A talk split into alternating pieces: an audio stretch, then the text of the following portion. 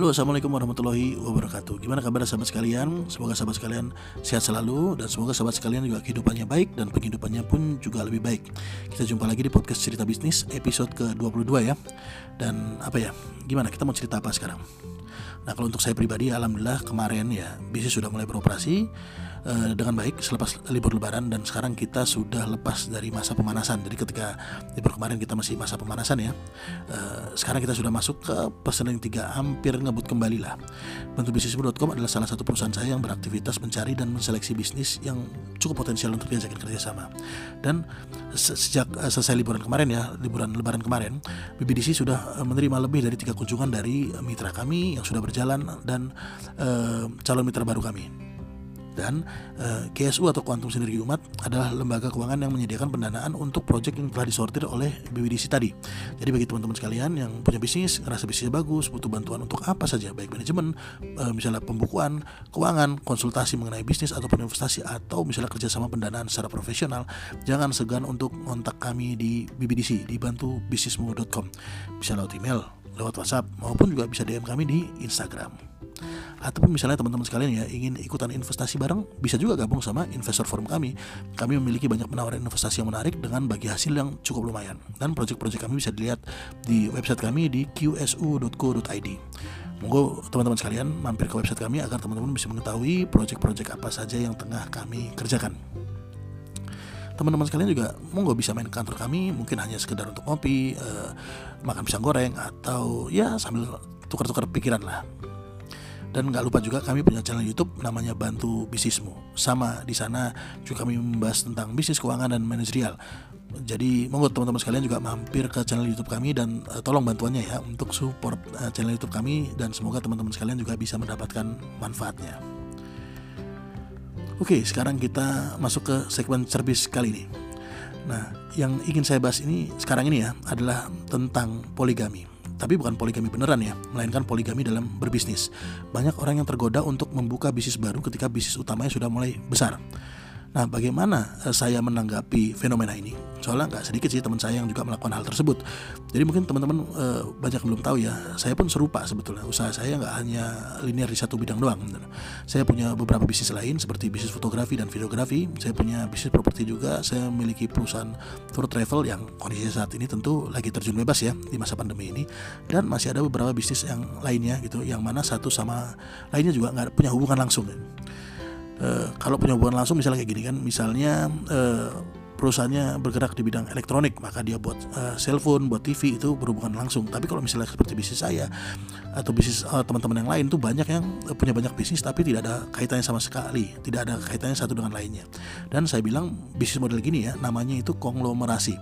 Pokoknya pengusaha yang punya beberapa jenis bisnis ya namanya konglomerat itu tanpa memandang skala bisnisnya besar maupun kecil tapi ya kalau kita lihat sebenarnya realitanya by data orang-orang yang masuk ke jajaran orang-orang terkaya di dunia hanya sedikit sekali yang model bisnisnya itu konglomerasi teman-teman. Mereka yang masuk ke misalnya Forbes gitu ya yang 100 eh, orang terkaya, 50 orang terkaya, biasanya mereka tuh fokus ke satu bisnisnya saja. Kita lihat ya seperti Elon Musk. Meski dia punya beberapa perusahaan ya seperti SpaceX, Tesla, tapi sebetulnya ya dia bukan jualan mobil ataupun bukan jualan tiket jalan-jalan ke angkasa, melainkan dia menjual mimpi kita lihat ya Jeff Bezos dengan Amazonnya fokus ya Bill Gates dengan Microsoftnya meskipun juga Microsoft misalnya ya dia uh, kan dia kan buat software ya.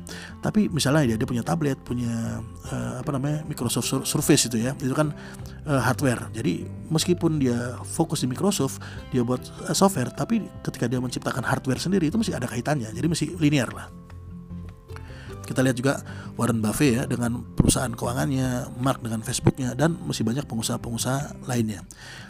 Namun eh, apa ya di Indonesia sendiri itu seperti ada bisikan ya kalau nggak konglomerasi belum bisa dibilang orang kaya. Apa itu salah? Uh, salah misalnya kayak menyelingkuhi bisnis utama dengan bisnis yang baru atau dengan bisnis yang lainnya.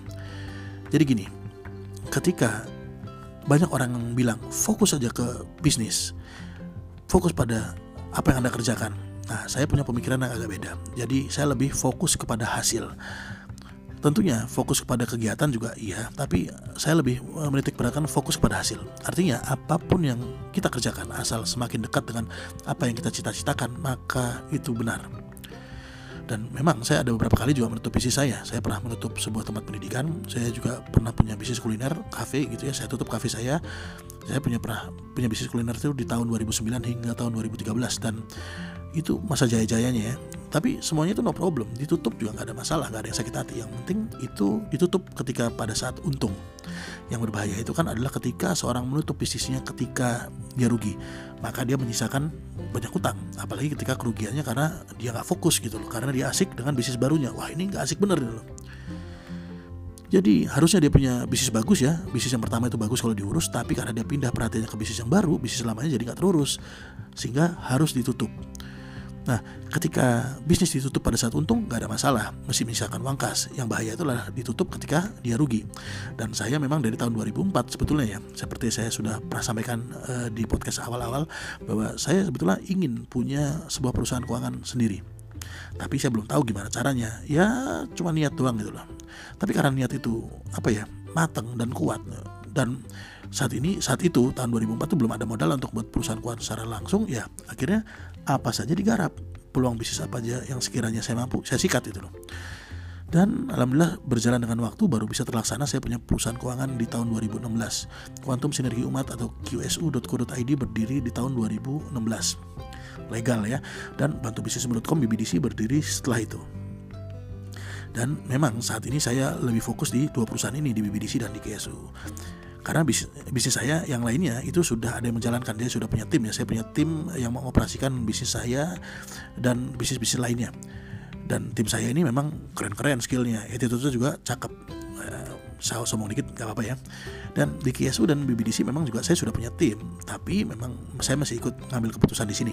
Kenapa? Ya karena uh, itu tadi ya. Jadi memang uh, passion saya memang kan di bidang keuangan. Jadi rasanya kalau misalnya terjun di bisnis yang memang uh, sesuai dengan passion tuh enak gitu loh. Meskipun sudah ada tim yang banyak membantu.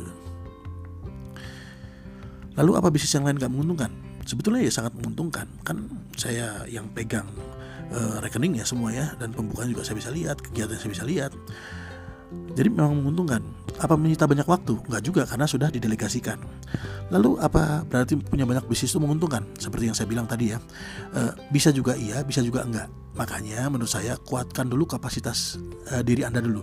Kuatkan dulu leadership Anda sebagai seorang pemimpin. Karena kalau misalnya kapasitas Anda itu masih kecil ya, gimana caranya Anda mengurus sesuatu yang lebih besar daripada kapasitas Anda? Kalau misalnya Anda memiliki kemampuan untuk langsung membuka banyak bisnis, ya monggo. Tapi nggak semua orang bisa seperti itu. Alangkah bagusnya jika semua dilakukan secara bertahap. Nikmati dulu lah prosesnya dan nikmati juga pembelajarannya. Bangun dulu dengan baik manajemennya pada satu bisnis Anda dan bisnis lainnya. Nah, ketika satu-satu ya satu bisnis A gitu misalnya sudah mulai berjalan tan tanpa kehadiran Anda atau sudah bisa berjalan tanpa kehadiran Anda, maka bangun lagi bisnis yang kedua. Nggak apa-apa kalau misalnya memang Anda ingin punya beberapa bisnis. Ada beberapa pilihan. Salah satunya adalah ya mungkin uh, Anda tadi ya bisa membuka bisnis baru ataupun kalau misalnya sudah ada uh, manajemen yang bantu Anda, Anda mungkin bisa lebih fokus lagi untuk gedein bisnis yang sudah ada. Jadi tadi ya, kalau misalnya sudah uh, manajemen Anda di bisnis Anda yang pertama itu sudah mulai berjalan, maka ada beberapa pilihan salah satunya adalah bisa membuka bisnis baru karena sudah ada yang jalanin bisnis Anda yang pertama atau misalnya Anda juga bisa gedein bisnis Anda yang sudah eksis. Karena apa? Karena Anda sudah punya banyak waktu dan tentunya Anda pasti punya lebih banyak kesempatan untuk bertemu dengan banyak banyak orang dan Anda juga bisa lebih banyak membangun uh, banyak jaringan, banyak panggung. Atau misalnya kalau Anda memilih untuk aduh saya bisnis sampai deh saya mau terjun ke kegiatan sosial, ya boleh-boleh aja. Semua bebas bebas-bebas aja menurut selera kita masing-masing. Dan saya pribadi pun melakukan uh, hal tersebut ya. Jadi saya bikin dulu manajemennya, saya bangun dulu manajemennya mulai dari staff mungkin satu karyawan, dua karyawan, lalu saya tunjuk supervisinya siapa, lalu saya angkat seorang manajer, lalu jadi uh, ada juga saya angkat seorang GM ataupun dirut, baru nanti setelah ada posisi tertinggi baru saya menarik diri dari apa namanya dari uh, struktur ya, saya menarik diri jadi komisaris lah di luar di luar struktural. Kok nggak saya tutup? Uh, bisnis yang uh, seperti itu. Karena kan saya kan nggak banyak terjun di situ. Yang apa yang juga ditutup teman-teman? Oh ada hasilnya kok. Dan hasilnya kalau bisa dibilang lumayan lah bisa dipakai untuk ya untuk beli mobil tiap tahun ya bisa lah beli rumah setiap tahun juga bisa. Dia sangat bisa sekali. Dan bisnis bisnis saya yang lainnya tadi itu ya merupakan milestone. Jadi punya sejarah ya. Dan milestone tadi itu apa ya? Bilang milestone itu adalah batu loncatan saya. Jadi untuk menuju saat, saat ini saya di saat ini itu ya nggak bisa langsung sekonyong-konyong teman-teman butuh batu loncatan. Ya loncatan-loncatan tadi ya dari bisnis saya yang uh, existing ini jadi membuat saya bisa berada di posisi seperti saat ini dan saat ini saya juga bisa punya banyak kesempatan untuk membangun relasi, bangun networking, bertemu dengan orang-orang yang pas. Nah, dan ini juga penting ya sebenarnya ya. Kalau misalnya kita mau besar, bisnis kita mau besar, maka visi kita juga harus besar. Baik itu visi hidup kita maupun visi di bisnis kita. Pastikan bahwa bisnis ini yang Anda lakukan sekarang ini bisa besar. Nah, pertanyaannya gini, kalau misalnya bisnis bisa besar, bisa besar dalam waktu berapa lama?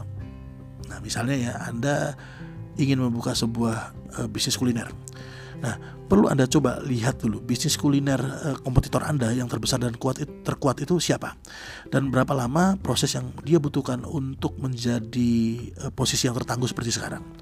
Kalau misalnya ya ada kuliner A, kompetitor tertinggi Anda. Nah, dan dia butuh waktu 10 tahun untuk berada di posisi ini. Pertanyaan berikutnya, apakah Anda mau menunggu selama itu untuk bisa menjadi yang terbesar? Nah, kalau Anda rasa, wah 10 tahun ya kelamaan, nggak siap kayaknya. Ya kalau nggak siap ya jangan pilih bisnis tersebut gitu loh.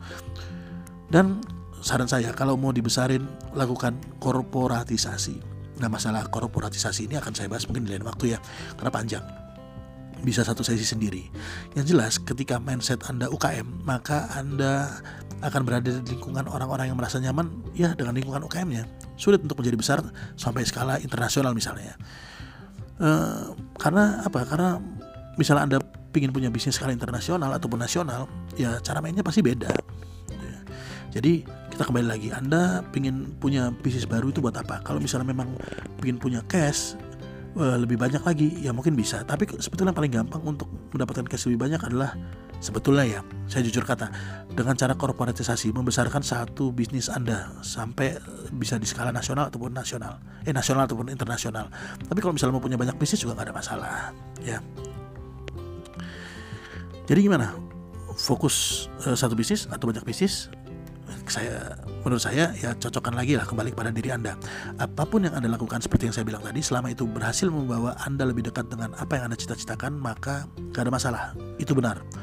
Saya ya meskipun gak sukses-sukses banget lah, masih jauh lah dikatakan uh, dari level sukses. Tapi uh, uh, bisa sampai di posisi saya sekarang ini ya setelah saya melalui banyak bisnis seperti yang saya saya sampaikan tadi ya. Dan saat ini pun bisnis yang aktif saya itu bukan cuma satu atau dua doang. Tapi ada beberapa dan menurut saya fine fine aja selama untungnya besar dan effortnya kecil why not gitu loh. Jangan hanya fokus pada apa yang akan dikerjakan tapi fokus juga pada hasil gak usah gengsi untuk untuk bisnismu ketika memang sudah nggak produktif lagi. Atau bisa jadi uh, bisnis tadi yang sudah existing tadi malah jadi beban. Gak usah uh, ragu untuk menutup. Udah tutup aja lah. Jadi mau fokus satu boleh mau konglomerasi pun boleh. Bebas senyamanmu lah bro. So mungkin gitu ya. Demikian cerita bisnis kita kali ini. Semoga yang sedikit ini bisa bermanfaat buat teman-teman sekalian Terutama buat saya pribadi sebagai pengingat diri. Saya mundur diri dulu. Sampai jumpa di episode cerbis berikutnya. Wassalamualaikum